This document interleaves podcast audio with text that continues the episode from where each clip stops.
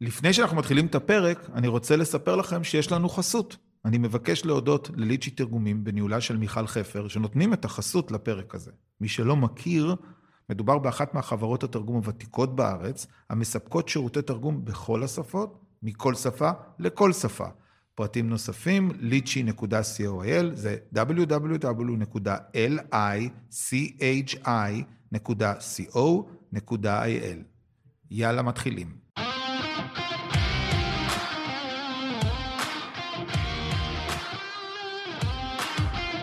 אמריקה בייבי, הפודקאסט שהוא שער הכניסה להבנת ההיסטוריה, החברה, הדיפלומטיה והפוליטיקה בארצות הברית, בהנחיית דוקטור קובי ברדה.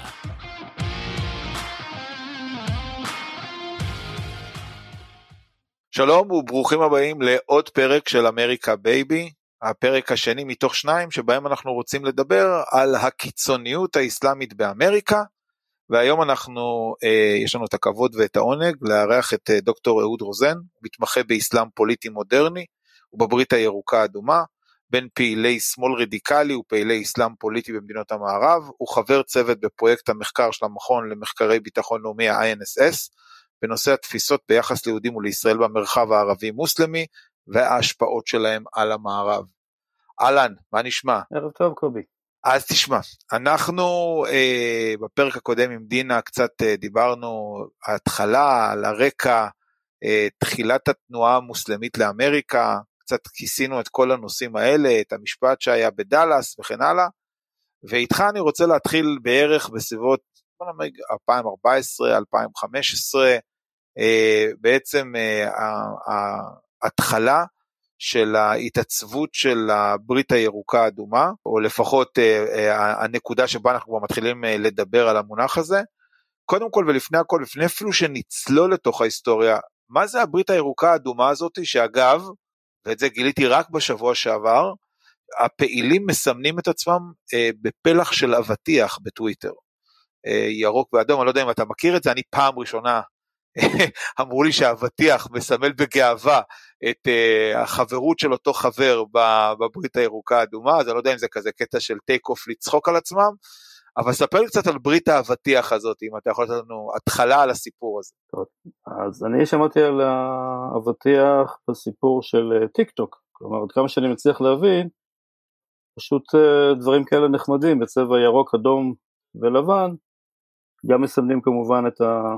הצדדים השונים בברית וגם את הדגל, את חלקו של הדגל הפלסטיני, ואז זה פשוט אה, עוקף כל ניסיונות אה, לנסות להגביל סמלים. נראה לי שזה מגיע משם, זאת אומרת יותר שייך, ל... שייך יותר לדור הצעיר. כן, הברית הירוקה האדומה קצת, אם אתה יכול לעדכן אותנו. הברית האדומה הירוקה זה בעצם אה, מושג שהוא מאוד מאוד רחב, אנחנו, אנחנו עוסקים היום בארצות הברית.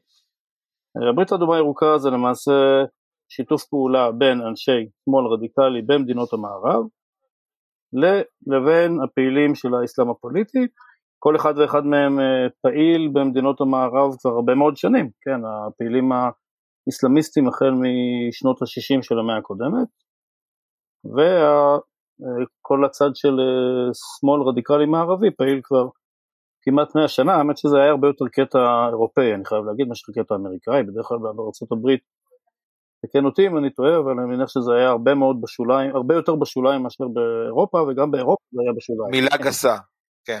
קומוניזם היה אה, מילה גסה, אפילו היה כאלה שרדפו קומוניסטים, כמו מקארתי. כן? נכון, מאוד, כן, ושוב, זאת אומרת, אה, מבחינה מספרית חייבים להגיד, עד היום בעצם אנחנו מדברים על שוליים, כן, זה מספרים מאוד מאוד נמוכים של פעילים אה, בפועל במקומות האלה. אז הברית האדומה הירוקה, מה שאנחנו קוראים היום בעצם התחילה למעשה באירופה, בסדר? אפשר להתחיל לראות את ה... זאת אומרת, יש שם יחסים שהולכים ונבנים במהלך השנים, אבל אפשר בגדול להתחיל לדבר על, תחיל, על תחילת שנות האלפיים. באירופה, שוב, זה מתחיל uh, מהכיוון הבריטי יותר, כשאנחנו uh, ניצבים תחילת המלחמה בטרור, אחרי פיגועי הטרור בארצות הברית, 9-11, שהם היו גם מיד אחרי ועידת דרבן הראשונה, אם אתה זוכר. כן, תחילת שנות נכון, האלפיים. זאת אומרת, זה בדיוק uh, כמעט אותם תאריכים, לאט לאט, אה, שוב, בבריטניה נוצר, נוצרת לנו הצטלבות, אה, שהם מתארים אותה בדרך כלל כמשהו שנוצר במקרה. כן, היה היו הפגנות לקראת המלחמה המתוכננת של ארה"ב, מלחמת המפרץ השנייה. באותו יום רצו בבריטניה להפגין נגד הכוונות האלה, ומצד שני רצו פעילים שמשויכים יותר לכיוונים של האסלאם הפוליטי, בדגש על האחים המוסלמים, כאלה שקרובים לחמאס, רצו בעצם לציין משהו פלסטיני, ואז הם פתאום גילו שהם מתכננים הפגנות באותו מקום, אמרו יאללה בואו נפגין ביחד.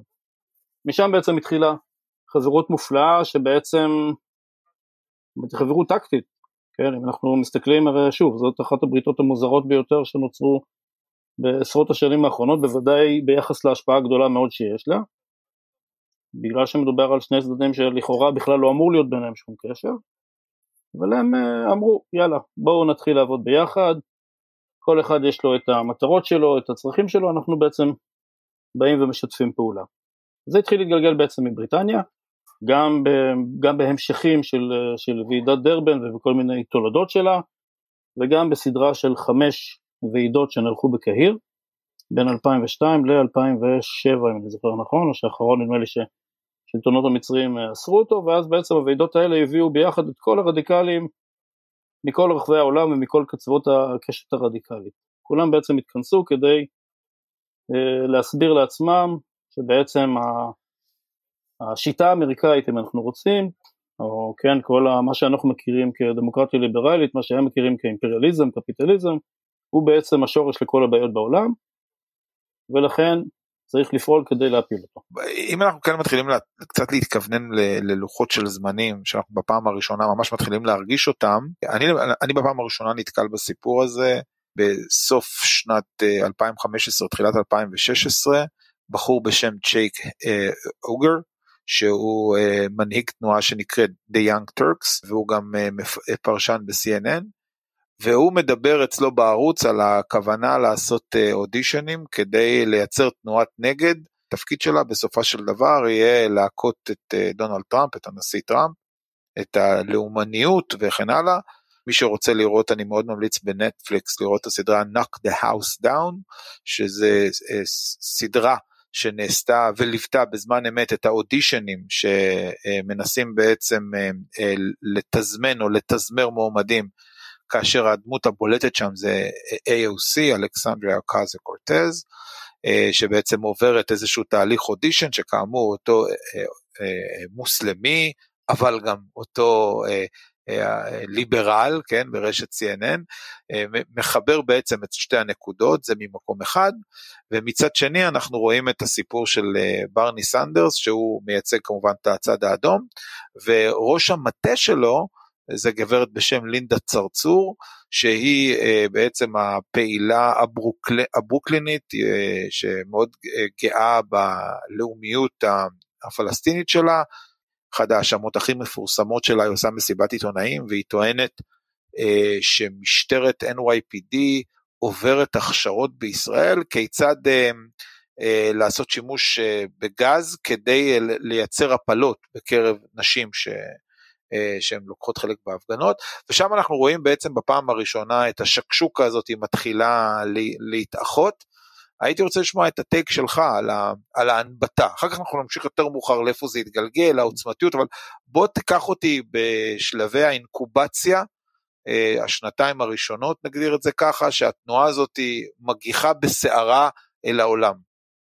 בסדר, זאת אומרת שלבי ההנבטה מגיעים קצת קודם, כלומר אם אנחנו מסתכלים על, ה, על הצד הירוק, כן, צד האסלאם הפוליטי, צד האחים המוסלמים, בעיקר, שוב, זה ה, תמיד היה ראש החץ של כל האסלאם הפוליטי, אה, אז יש לנו את אותו אה, משפט שאתה דיברת עליו עם דינה, שבעצם בפעם הראשונה חושף אה, בבית משפט בגלוי רשת שנבנתה על ידי האחים המוסלמים ותפקידה בעצם לעזור במימון חמאס, כן, כלומר אז הרשת הזאת נחשפת, אה, חלקה, שוב, חלק, חלק גדול, חלק, או החלק העיקרי של הפעילים ספציפיים באות, באותה אגודת צדקה, Holy Land Foundation, הולכים לכלא, אבל יש לנו בעצם... כן, 180 שנה כן, במצטבר, כן, לנו... חמישה נאשמים עם 180 שנות מאסר מצטבר. נכון, אבל יש לנו בעצם חשיפה של כל הרשת, כן, יש הרבה, הרבה מאוד מהגופים כן. שאנחנו מכירים עד היום, אה, שהם צמחו שם, זאת אומרת, לא, סליחה, שנחשפו שם, לא שצמחו, שנחשפו שם במשפט הזה. על תקן מה שהאמריקאים קוראים לו unindicted conspirator, כלומר לא עשו צעדים כנגדם אם אנחנו רוצים, אבל הם עדיין אה, מופיעים כחלק מכתב האישום. אה, מצד שני אנחנו צריכים גם לזכור שבכל צד המזרח התיכון יש לנו את העלייה והנפילה הגדולה של משטרי האחים המוסלמים שם.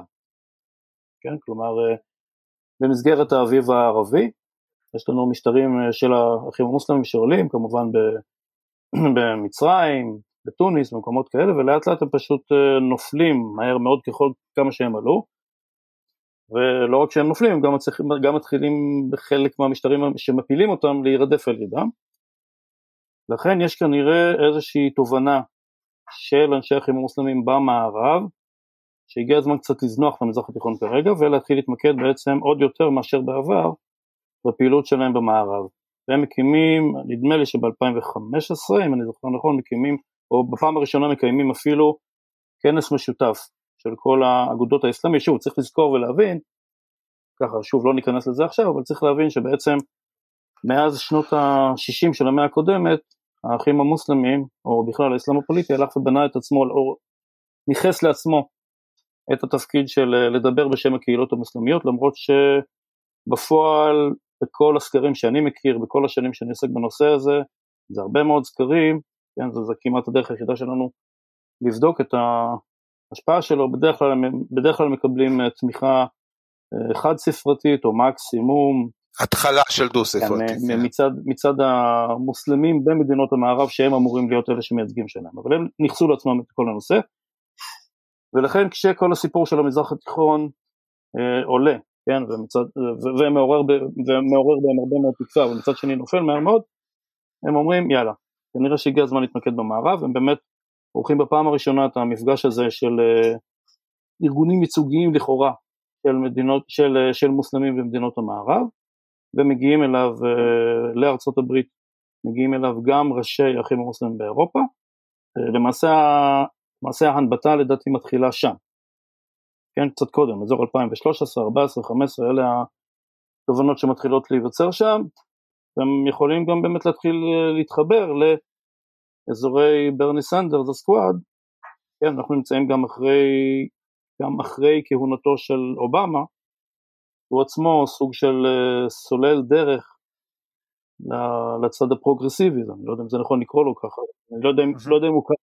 לא, אני חושב שכן, ההגדרה היא נכונה, זאת אומרת הוא ההתחלה, ההתחלה של האירוע הזה. בדיוק, כן? ואז, אה, זאת אומרת אנחנו בנקודת זמן אה, נכונה ליצור את הקשרים האלה, כמו שהם מכירים אותם כבר מאירופה או אפילו מדרום אמריקה, מקומות כאלה, גם להגיע לארה"ב עצמה, כשכבר בעצם אה, כל הנושא הזה מתחיל להיכנס לפוליטיקה האמריקאית.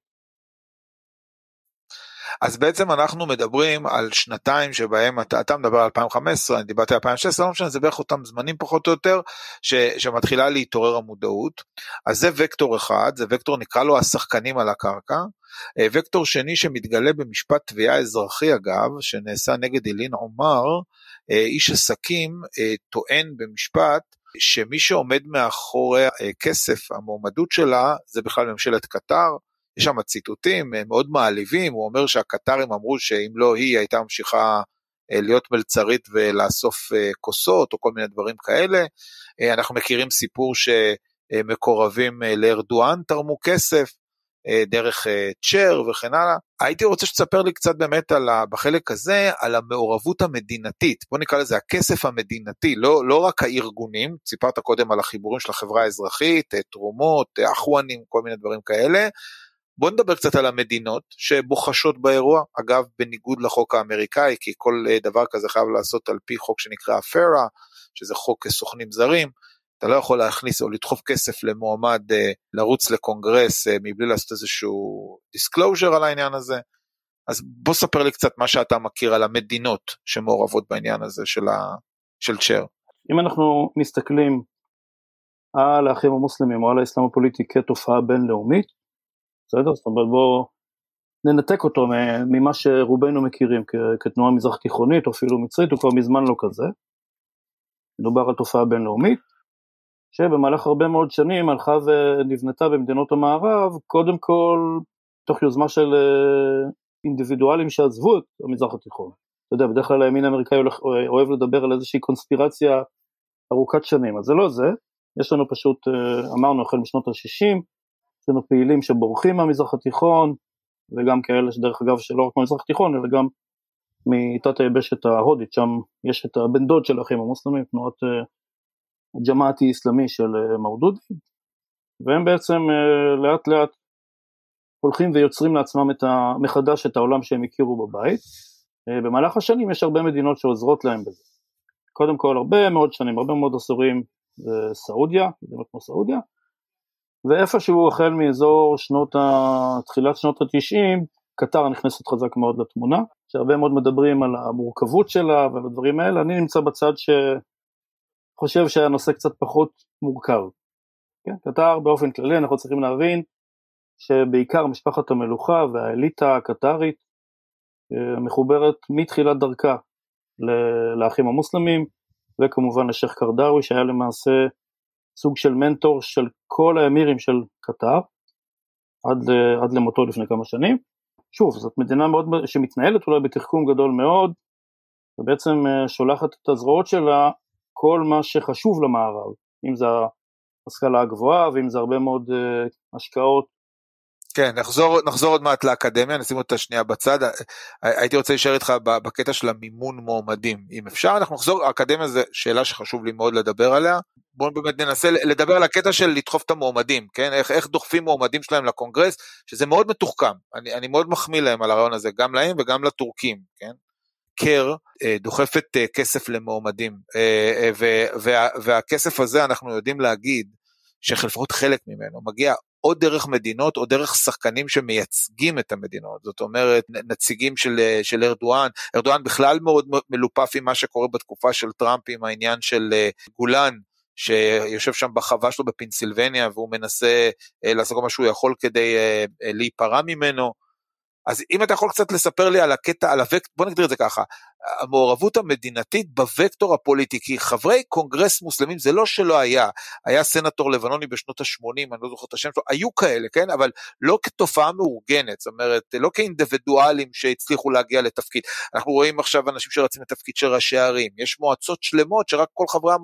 יש מעורבות פוליטית, זה לא מקרי, זה לא אדם אחד שהוא במקרה מוסלמי, זה תנועתי. בגלל שבעצם אה, קטר נכנסת כל כך חזק לתמונה והיא בעצם רוצה, קטר מתחילה להיות בעצם שחקן אה, פוליטי בכוח הממון הרב שיש לה ושהיא מכניסה למדינות המערב כהשקעות ובמקומות כאלה. במסגרת הזאת אנחנו יודעים שיש גם גופים אה, שמשויכים בעצם לכל נושא האסלאם הפוליטי והם אלה שמתחילים לדחוף ולעשות קמפיינים למען מועמדים, יש כנראה חלקם לפחות גם גם שותפים למימון או לפחות עוזרים למימון של המועמדים האלה. יש לנו גם אה, הוכחות לזה במהלך השנים. ופשוט אה, כל הנושא הזה של דחיפת אה, מוסלמים ייצוגיים לכאורה מתחיל להיות באופן מאורגן. כן, היו לנו מוסלמים קצת קודם, אבל פה מתחיל להיות לנו ממש קמפיינים שלמים שמדברים על אנחנו רוצים את הייצוג המוסלמי, ועם שמות מי הם המוסלמים שמועמדים, עם יציאה לכיוון המוסלמים, כדאי לכם להצביע ולמה כדאי לכם להצביע, זה אירוע. כן, כמו שאנחנו רואים שעכשיו אה, רשידה טליב מאיימת על ביידן, אה, שבגלל התמיכה שלו ב... כן, בדיוק. כן, עכשיו אנחנו כבר מגיעים, עכשיו אנחנו כבר מגיעים לסוג של שיא, כלומר, החבר'ה האלה כבר מרגישים שהם ממש מסוגלים להיות שחקן פוליטי שמסוגל לשים לחץ על הממשל. כן, אז זה נבנה. יש לנו, יש לנו אירועים שמארגנים כל, ה, כל הגופים האלה עבורם, והם ממש מופיעים תחת הלוגו שלהם, מארחים אותם, ו- ותוך כדי זה הם גם יוצרים בעצם, אה, אם אנחנו רוצים, לגיטימציה חדשה, או לגיטימציה מחודשת לאותם ארגונים שבעצם השם שלהם מוכתם במסגרת, במסגרת המשפט של ה-Holy Land Foundation. עכשיו אני רוצה לשאול אותך שאלה שהיא תמיד מאוד מרתקת אותי, זאת אומרת יש לי גם תשובה אליה כל הנושא של ההצטלבויות, האינטרסקשונליטי וכן הלאה, והמאבק ביחד, אחד בשביל השני, אנחנו נוכל לקדם ביחד, אבל הישראלי הממוצע, ואני מגדיר את עצמי מעל הישראלי הממוצע, ולכן זה הרבה יותר משמעותי בלהגיד שכמה גם אני לא מבין את זה, ואולי אתה תצליח למצוא לי תשובה, איך אתה יכול להסביר שכשאתה מגיע לגברת רשידה טליב, מצד שמאל יש את דגל ארה"ב, מצד ימין יש את דגל מישיגן ודגל הגאווה. איך אתה יכול להסביר שאחת כמו אילן הומר מגיעה בחודש יוני, חודש מצעד הגאווה, עומדת ואומרת להם, חודש גאווה שמח לכולכם. הרי אנחנו יודעים מה היה קורה, בנות החביבות האלה היו עושות את אותו דבר בשכם, או במגדישו, כן? אה, כנראה שלא מצליחות לגמור את, ה, את היום עם ה... זה. איך, נסה להלחים לי את, ה, את הדבר הזה, איך, איך זה עובד? תראה, במהלך השנים שקורה לנו, שוב, אנחנו מכירים את זה גם מאירופה, האחים המוסלמים או האסלאם הפוליטי בכלל למעשה למד לדבר את שפת המערב. אם הוא רוצה לפנות אליו והוא חשוב אליו, אז הוא פונה אליו במקומות שחשובים לו. אז הם מוכנים, אמרנו, זו ברית טקטית, כן? כל אחד שומר על הדברים שחשובים, שחשובים לו, לא סוטה מהם, אבל אה, אם אני אנסה להיכנס להיגיון שלהם, אם אני רוצה אה, להיכנס ולנצח בבחירות וחשוב לי להביע תמיכה במשהו שהוא מאוד מאוד חשוב במדינות המערב, כמו, אה, כמו כל צד הגאווה וכל זה, זה מה שאני אעשה. זאת אומרת, אני אעשה את זה למען המטרות שלי. לא, אני לא יודע לה, להיכנס לקרביים שלהם ולהגיד אם הן באמת תומכות בזה, כן או לא. אבל זה לא נגיד ש, שתנועה כמו האחים המוסלמים באמריקה, תנועה, לא המועמדים מטעם, התנועה באה ואומרת, תשמע, אנחנו צריכים להתאים את עצמנו לכללי המקום, לגיטימי ש, שנתמוך ביחסים הומוסקסואליים. אני לא חושב שהם תומכים, אני לא, אני לא מכיר גם תמיכה כזאת. לא, זה, זה מה שאני שואל, להבין, הרי כי יש את המועמדים שהם נשלחים לחזית, ולכן, שוב, כמו שאתה אומר, יכול להיות אולי באמת הם מרגישים הזדהות עם הדבר הזה, כדור שני שצמח שם וכן הלאה, ויכול להיות mm, שלא. או, או שוב, או כחלק מהאינטרסקשנליטי, אם, אם, אם האינטרסקשנליטי, מה שאנחנו קוראים ההצטלביות, זה בעצם בשפה מאוד אה, לא אקדמית, אה, ברית אחוות הדפוקים, כן, בעצם אה, מה זה אומר, כן, כל מיעוטי, כל המיעוטים התאחדו סביב הפעולה נגד המדכא, כן, שהמדכא במובן הזה הוא גם הממסד האמריקאי עצמו כמובן, וראינו, אני, אולי כדאי להזכיר, למשל, או גם למי ששומע, את, אמ, טקס הסיום באוניברסיטת אה, קוני. NYU. לא, לא NYU, בקוני אוניברסיטי. אה, בכל מיני, כי ב-NYU היה גם את ה... בטקס סיום שם את היושבת ראש של ארגון הסטודנטים. לא, לא, לא, אני מדבר, אני מדבר על הסטודנטית למשפטים. Uh, נדמה לי שזה היה בחודש פברואר השנה, אם אני זוכר נכון. Uh, וזה עשה הרבה מאוד רעש, עומדת uh, סטודנטית למשפטים שמסיימת סטודנטית ממוצא תימני, אם אני זוכר נכון. זה עשה הרבה מאוד רעש ביחס למה שהיא דיברה על ישראל. כן, היא דיברה על ישראל שצריך להילחם בה וכל זה, אבל היא למעשה, זאת, זה למעשה נאום אנטי אמריקאי. זאת אומרת, היא כעורכת דין צעירה מדברת על משטרת ניו יורק כאויב, בסדר, במונחים האלה. אז יכול להיות ש...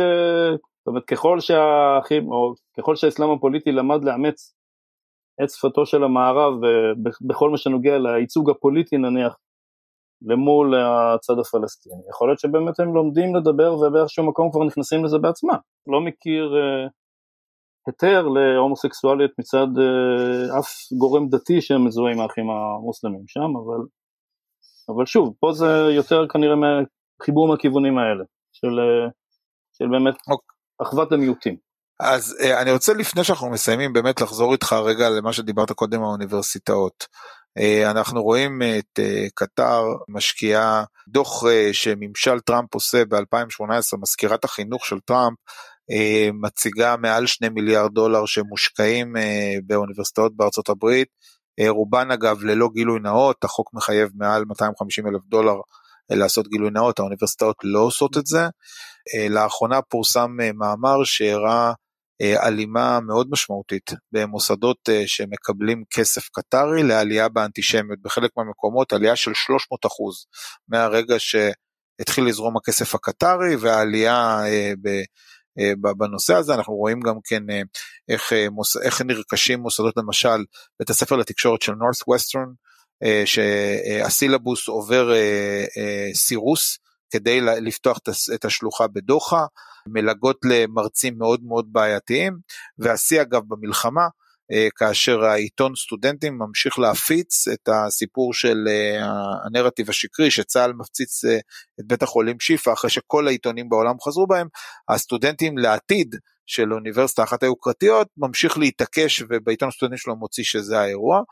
הייתי רוצה לשמוע ממך באמת, אה, א', עד, עד כמה זה היה חשוב לקטרים להיכנס לתוך מערכת החינוך, עד כמה זה היה ממה שהמחקר שלך גילה, מתודולוגיה מסודרת, מובנת, מה הם רצו להשיג באמצעות, האם אתה חושב שהם מצליחים להשיג את מה שהם רצו לעשות?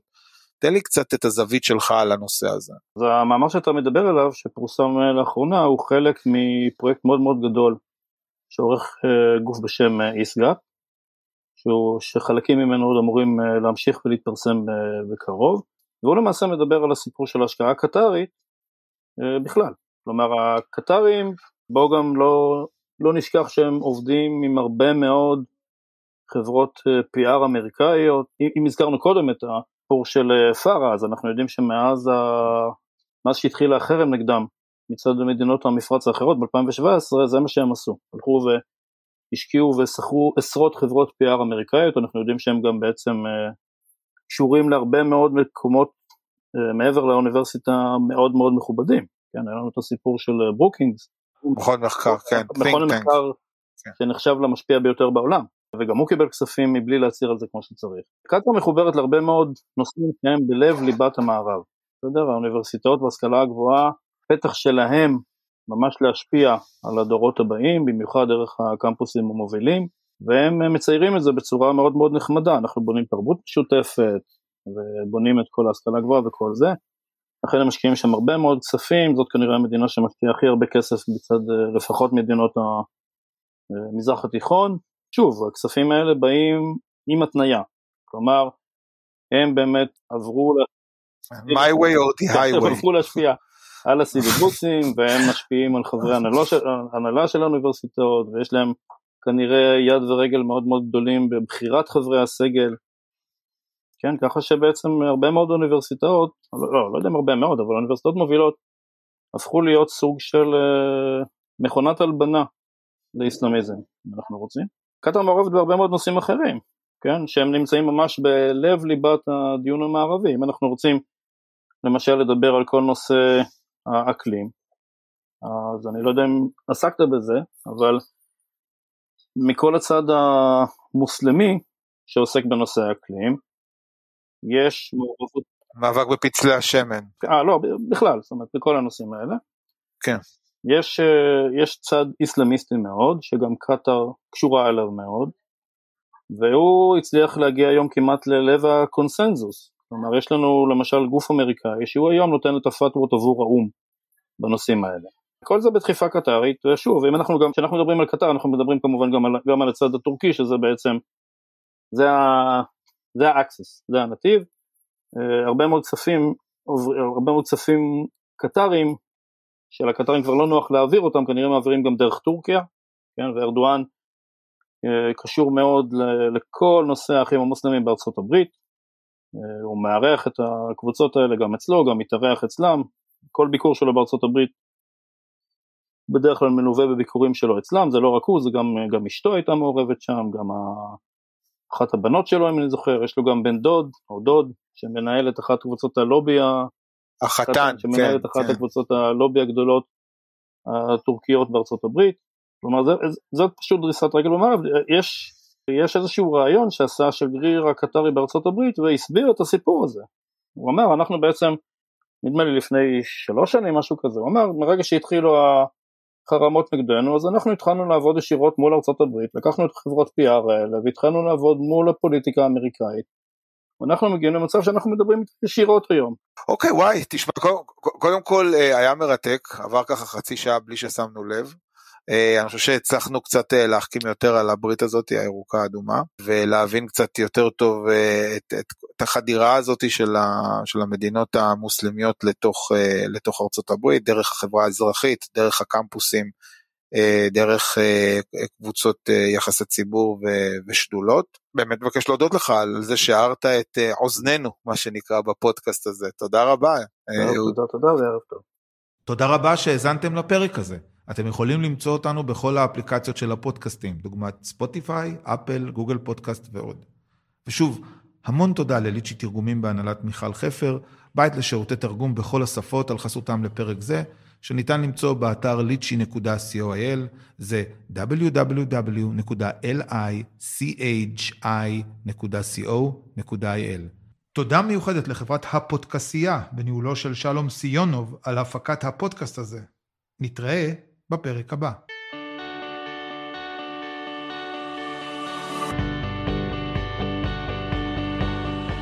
דוקטור קובי ברדה הוא מומחה להיסטוריה פוליטית אמריקאית ויחסים בינלאומיים, וחוקר בכיר בחממה לחקר דתות של אוניברסיטת חיפה, וקתדרת חייקין לגאו-אסטרטגיה. דוקטור ברדה הוא גם מחברם של הספרים המפתח להבנת דונלד טראמפ ו-Grassroot Path to Congress. מחקריו מתמקדים בשתולות למען ישראל בארצות הברית, דת ופוליטיקה באמריקה וגאו-אסטרטגיה.